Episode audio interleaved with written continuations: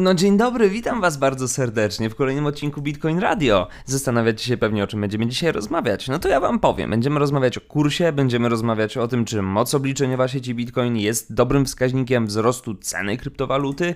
Będziemy mówić o tym, że Brave i BAT łączą siły z Binance Smart Chain. Porozmawiamy o tym, że Uniswap ma nową swoją wersję, przepraszam, że OneInch ma swoją nową wersję, która jest dużo tańsza w obsłudze niż Uniswap, a także pomówimy sobie o Robercie Kiyosakim, który znowu pierdoli jakieś głupoty.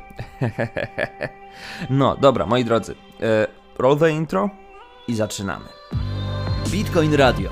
Polski podcast o kryptowalutach napędzany przez bitcoin.pl. Słuchaj w każdy wtorek na Spotify, Apple Podcast, Google Podcast lub na kanale YouTube Kryptoraport. Jeżeli chodzi o sytuację na rynku, no to przede wszystkim musimy zerknąć sobie na to, jak zachowywał się Bitcoin w ostatnim tygodniu. Jak dobrze pamiętacie, tydzień temu zaliczyliśmy bitcoinowe ATH, co się wiąże z tym, że oczywiście teraz mamy taką pewną atmosferę rozprężenia.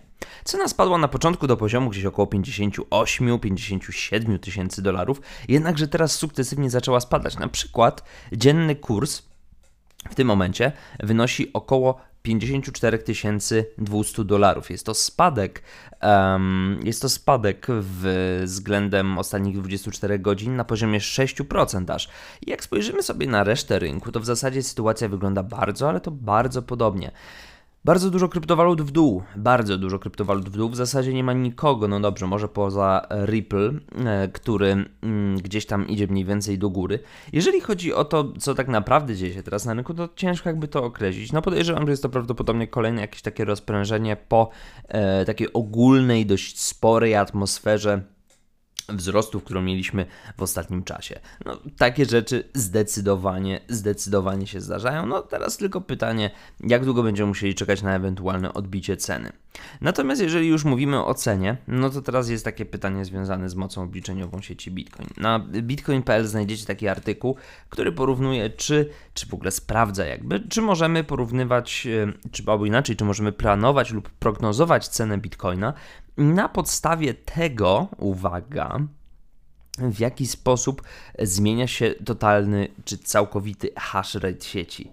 No jak się okazuje, jakby czas, jest to temat bardzo trudny, ponieważ czasami e, wzrosty mocy obliczeniowej sieci Bitcoina i wzrost ceny w ogóle samego Bitcoina są w pewien sposób ze sobą skorelowane. Natomiast e, w krótkoterminowej perspektywie czasu generalnie sprawa jest nieco trudniejsza, ponieważ czasami jest tak, że trafimy na bardzo duży spadek ceny bitcoina, który tak naprawdę w żaden sposób nie jest odzwierciedlony na tym, czy spada powiedzmy wysokość mocy obliczeniowej. I tak samo dzieje się też w drugą stronę. Czasami, traf, czasami trafiamy na bardzo gwałtowne spadki mocy obliczeniowej u, um, u minerów, co w żaden sposób nie odbija się na tym, jak y, zmienia się cena króla kryptowalut.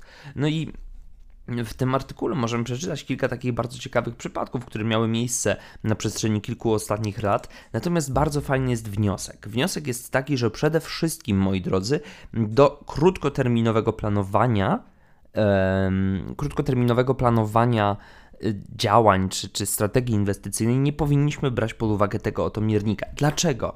Dlatego, że bardzo trudno jest tam powiedzmy określić, to, czy, y, co jest przyczyną, a co jakby rezultatem. No, ponieważ jeżeli już dochodzi do takiego nagłego spadku ceny i nagłego spadku mocy obliczeniowej, nie jesteśmy w stanie powiedzieć, czy to pierwsze wynika z drugiego, czy drugie wynika z pierwszego. Dlatego, jeżeli chcecie już koniecznie się posługiwać tą miarą, no to zalecam z mojej strony i też jakby ze strony tego artykułu do patrzenia raczej na tę perspektywę długoterminową.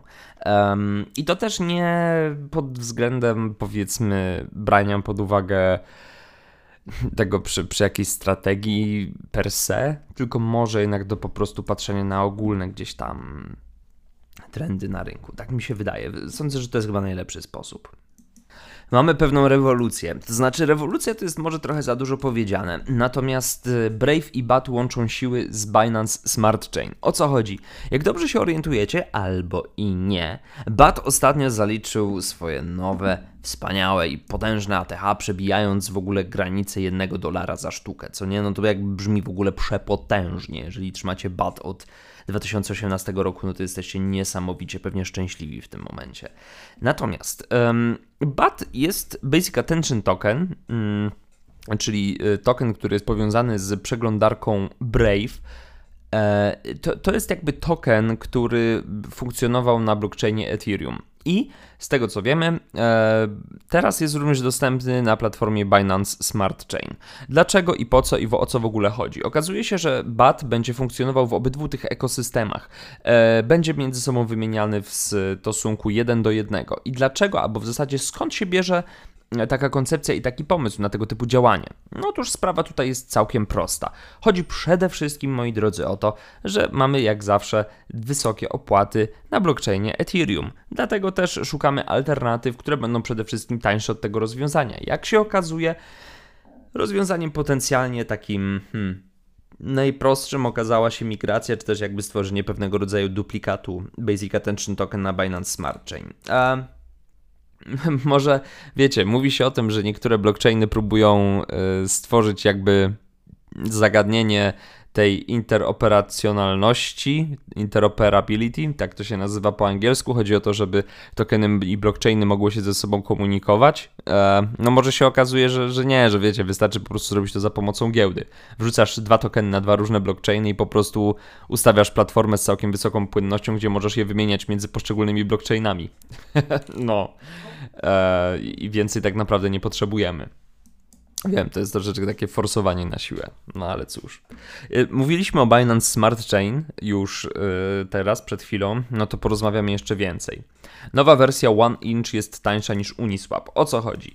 Bardzo dużo aplikacji DeFi, yy, które pozwalają gdzieś też tam no, dokonywać najróżniejszych transakcji i, i akcji w ogóle finansowych, które są zdecentralizowane, funkcjonuje w obrębie systemów najróżniejszych. E, natomiast zespół One Inch e, tutaj dokonał migracji na Binance Smart Chain, co w, znaczącym stopniu spowodowało, że e, pomniejszył się powiedzmy koszt dokonywanych tam transakcji. O co chodzi? Zespół OneInch opublikował trzecią iterację protokołu agregacji narzędzia, które kieruje zlecenia handlowe przez wszystkie zdecentralizowane giełdy na Ethereum oraz od niedawna Binance Smart Chain. Aggregation Protocol oblicza najbardziej opłacalny trade dla danego tokena i wielkości zlecenia. Odbywa się to poprzez podzielenie dużego zlecenia na kilka mniejszych za pomocą kilku zdecentralizowanych giełd. Wcześniej narzędzie to było przydatne głównie dla zamożnych traderów, dla których poślizg był ważnym czynnikiem podczas handlu w DeFi. System zużywał jednak więcej gazu niż przy bezpośrednim użyciu protokołu DEX, co oznaczało, że produkt był nieatrakcyjny dla osób ze skromniejszym portfelem. No i widzicie, jakby rozwiązujemy tę sprawę. OneInch e, w ogóle gdzieś ostatnio chyba też zaliczył jakieś swoje ATH, przebiła jego cena 5 dolarów.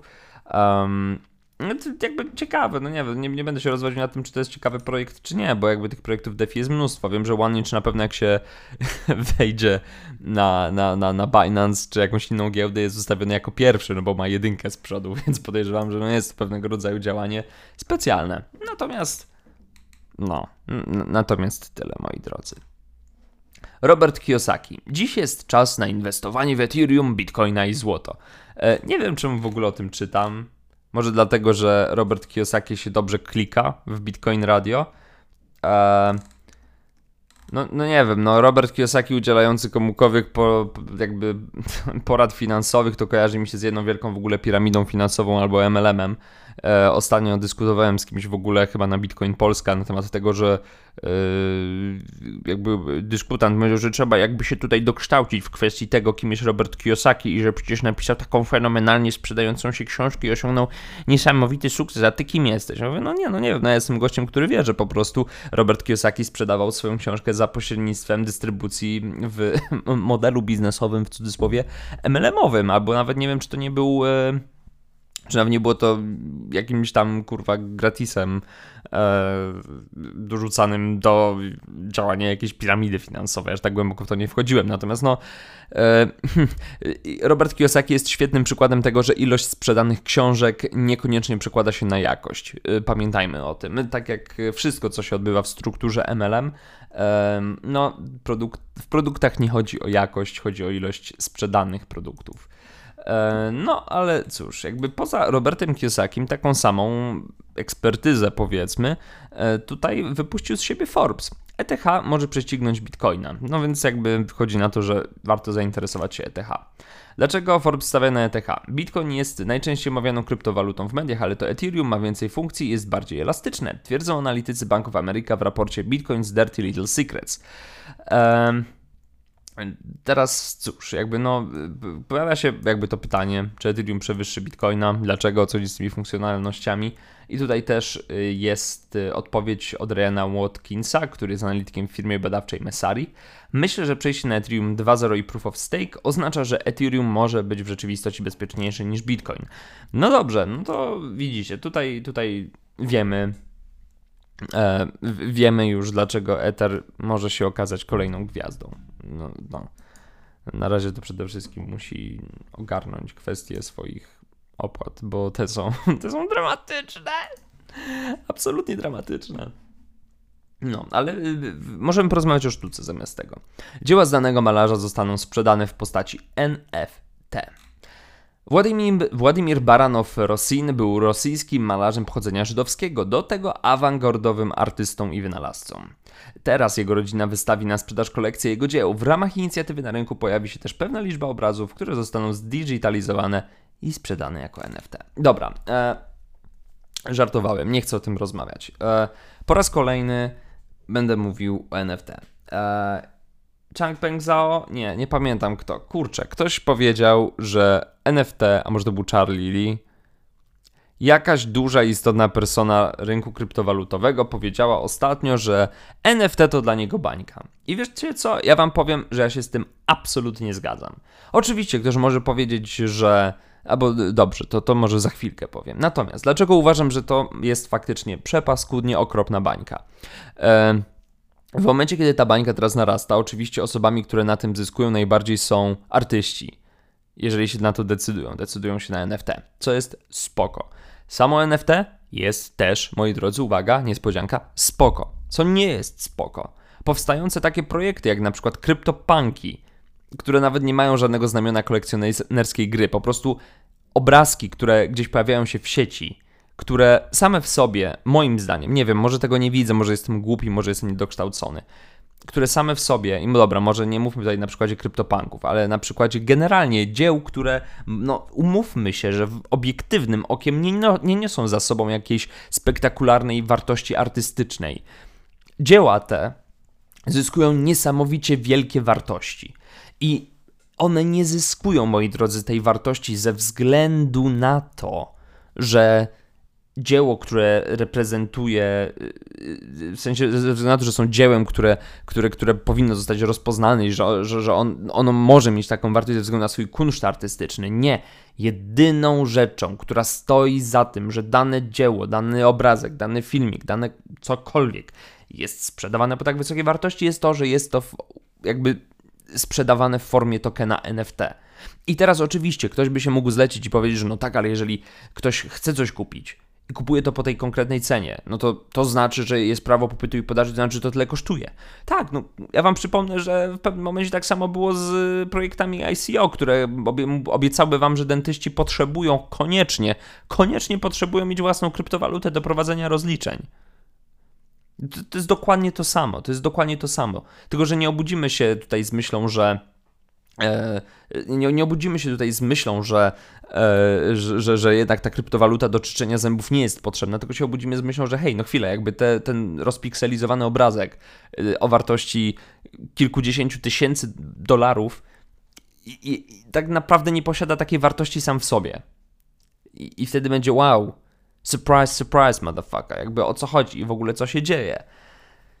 Ech, musimy zwrócić uwagę na to, że to, w czym się znajdujemy teraz, to jest bardzo duża spekulacyjna bańka na DeFi. I wszyscy, moim zdaniem, patrzą w dużej mierze na to, że dane dobro opatrzone jest takim właśnie tokenem, a nie patrzą na to, jaka faktycznie rzeczywista wartość, taka nawet w kontekście, nie wiem, rynku dzieł sztuki, może stać za tą daną, za tym danym dziełem, grafiką czy czymkolwiek. Ja rozumiem, że ktoś bardzo chce mieć filmik z Lebronem kupiony na własność. Ja to naprawdę bardzo rozumiem, ale nie rozumiem tego, żeby, że, że ktoś autentycznie twierdzi, że kupienie tego filmiku za parę milionów dolarów jest czymś.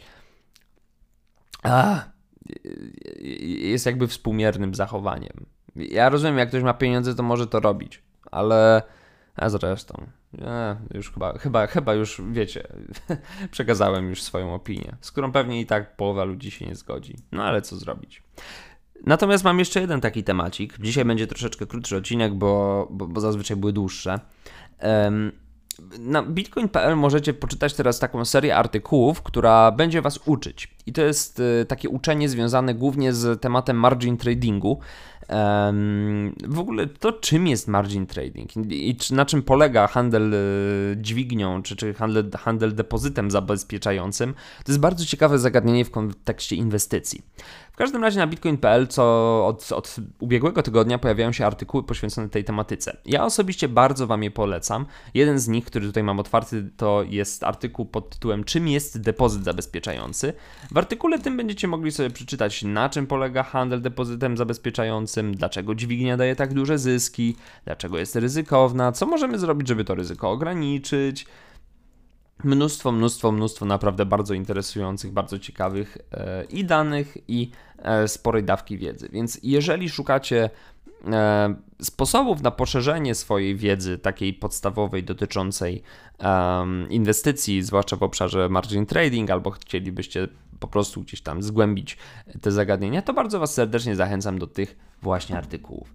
Tymczasem, moi drodzy, przypominam Wam również, że możecie, tam, tam, tam, tam, tam, tam, że możecie wysyłać swoje wiadomości do mnie na skrzynkę mailową, żebyśmy sobie pogadali. To mogą być propozycje tematów, to mogą być odpowiedzi na pytania, a dzisiejsze pytanie również będzie, takie, takie się pojawi. Co uważacie o tokenach NFT? I myślę, że jeżeli coś ciekawego do mnie spłynie, to ja bardzo chętnie to przeczytam na, na następnym odcinku. No. E, słuchajcie, skrzynka e, moja jędrzejmałpa.bitcoin.pl Wysyłajcie tam swoje e, wiadomości koniecznie. Koniecznie. Ja uwielbiam czytać i komentarze pod, pod kryptoraportem, które się pojawiają pod odcinkami Bitcoin Radio na kryptoraport i wszystkie inne rzeczy. No. Bawcie się dobrze tymczasem i pamiętajcie, żeby dbać o siebie, bo teraz zbliża się wiosna, to znaczy już jest wiosna, ale to właśnie w tym okresie najłatwiej będzie nam zachorować na jakieś paskudstwo, ponieważ pamiętajcie, że po sezonie zimowym mamy obniżoną odporność, dlatego po raz kolejny dbajmy o siebie. No, bitcoiny zdrowia nam nie kupią, moi drodzy. Cześć!